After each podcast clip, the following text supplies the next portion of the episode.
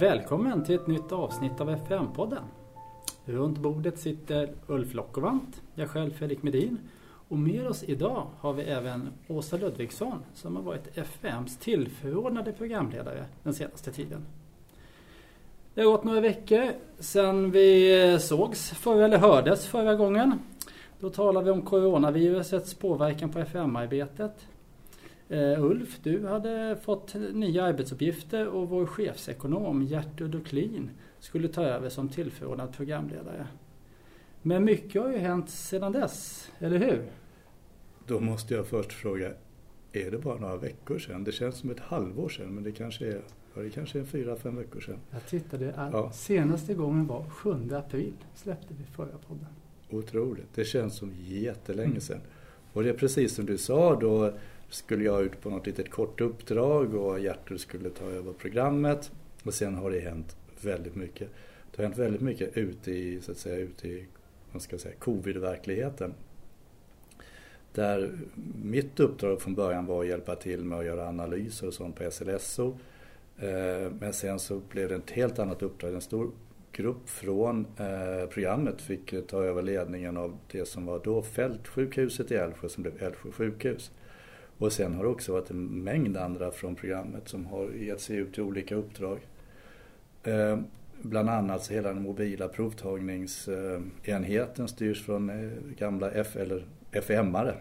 Inte gamla FMare utan från FMare. Mm. Så jag tycker att vad det här Covid har visat lite olika saker. Det ena är faktiskt eh, vilken fantastisk organisation FM är. Eh, där de som har lämnat FN för olika uppdrag har gjort det på ett fantastiskt sätt och varit enormt flexibla. Men kanske ännu mer imponerande ur ett FEM-perspektiv är de som varit kvar i programmet. För det är ju inte på något sätt så att det har varit på sparlåga utan det har gjorts väldigt mycket bra.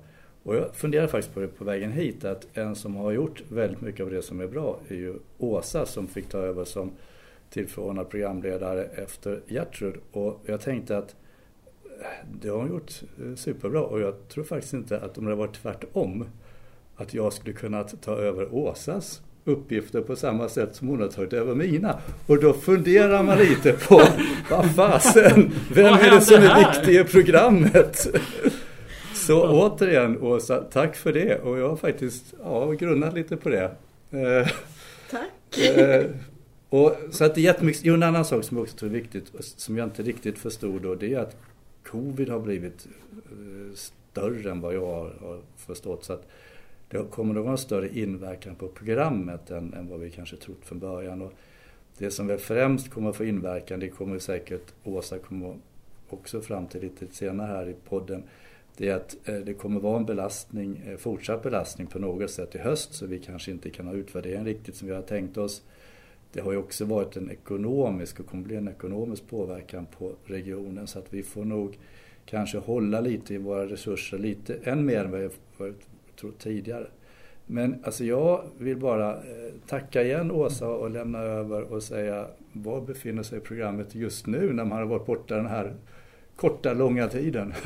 Ja, tack Ulf. Jag är också förvånad faktiskt att det gick, att det gick så, så, många... bra. Nej, att det gick så många veckor.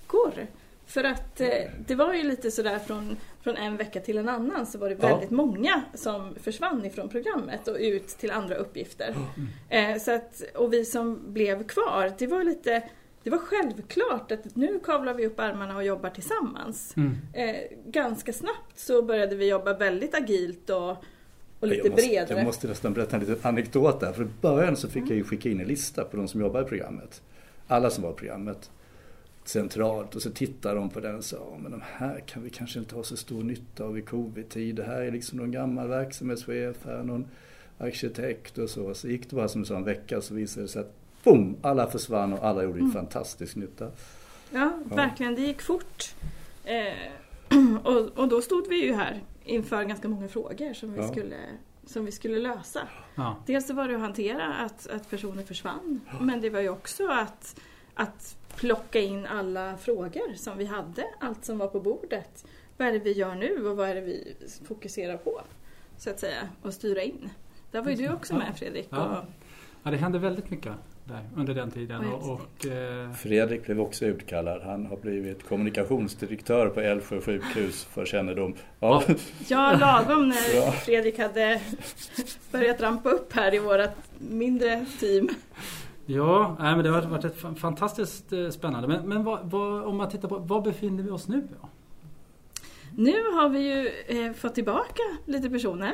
Mm. Eh, och vi står ju nu i ett läge där vi också utifrån den ekonomiska situationen faktiskt behöver vara eh, ett lite mer slimmat eh, program när det kommer till resurser. Vi har fortfarande många resurser som är ute och jobbar och gör ett jättebra jobb och behöver vara ute mm. Eh, från programmet. Så nu eh, arbetar vi med att ta fram planerna på kort sikt och framförallt att jobba med utvärderingen som vi har framför oss i höst. Att säkra en plan för utvärderingen så att vi kan eh, genomföra den på bästa sätt. För utvärdering är ändå det som är det absolut viktigaste. Ja. Nu väntar vi ju på anbuden och jag kommer inte exakt ihåg datumet men anbudet ska in och gå i slutet av augusti.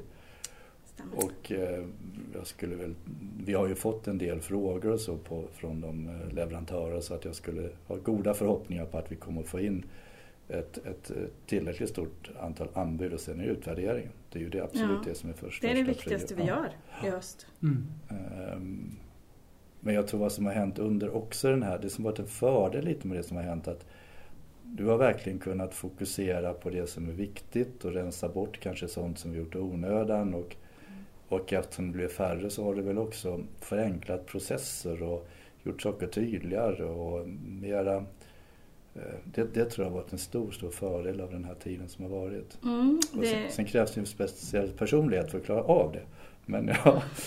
Men det gjorde ja. vi ganska snabbt och, ja. och det, det, var väl jag skulle säga att vi var ganska ense om det, vi som var kvar här. Att för att vi ska få den här verksamheten att fungera nu och för att vi ska kunna jobba framåt i, bra takt trots allt så, så behöver vi styra om vissa saker och göra det enklare. Förenkla, förenkla. Men sen har ni också mm. varit väldigt duktiga på att, eh, jag var ju med där i början, och, och att jobba hemifrån. Det är ja. inte så att ja. men vi sitter här nu, vi är, det är vi som sitter här i princip i lokalen nu. Alla ja. andra sitter och jobbar hemifrån. Mm. Eh, eller hur? hur? hur? har det gått? Det har gått bra. Eh, det har varit väldigt annorlunda. Eh, för någonstans i den här digitala världen så blir inte de här naturliga pauserna eller man får inte ett leende på vägen eller man säger hej när man i alla fall förflyttar sig till ett annat möte eller någon annan uppgift. Eh, men jag tycker att det har fungerat väldigt bra. Mm. Eh, faktiskt. Och men eh, väldigt intensivt mm. har det varit. En del av de arbetssätten kommer vi säkert ta med oss även när man har släppt på mötesrestriktioner. Det tror jag säkert. Och jag tror också det är viktigt att säga det den här covid krisen har ju påvisat behovet av digitalisering i sjukvård. Eh, jag såg just i, i morse var det en redogörelse från eh, psykiatrin där antalet eh, distansvårdtillfällen hade ökat med 150 procent. Det var väl Fredrik du som sa den här Alltid öppet som hade gått från 3 000 till 30 000. Ja. Så där ser vi ett stort behov av digitalisering. Och ett annat är också det man haft svårigheter med här i, under covid-krisen, att leda och styra för det har varit svårt att få ut siffror så man har inte riktigt vetat hur många patienter ligger på IVorna och vilka IVor, vad händer med dem efteråt. Mm. Så jag tror att covid har liksom gett en ökad medvetenhet om att vi behöver en riktigt bra digital eh, vårdmiljö i, i, i landstinget, eller i regionen, förlåt. Ja.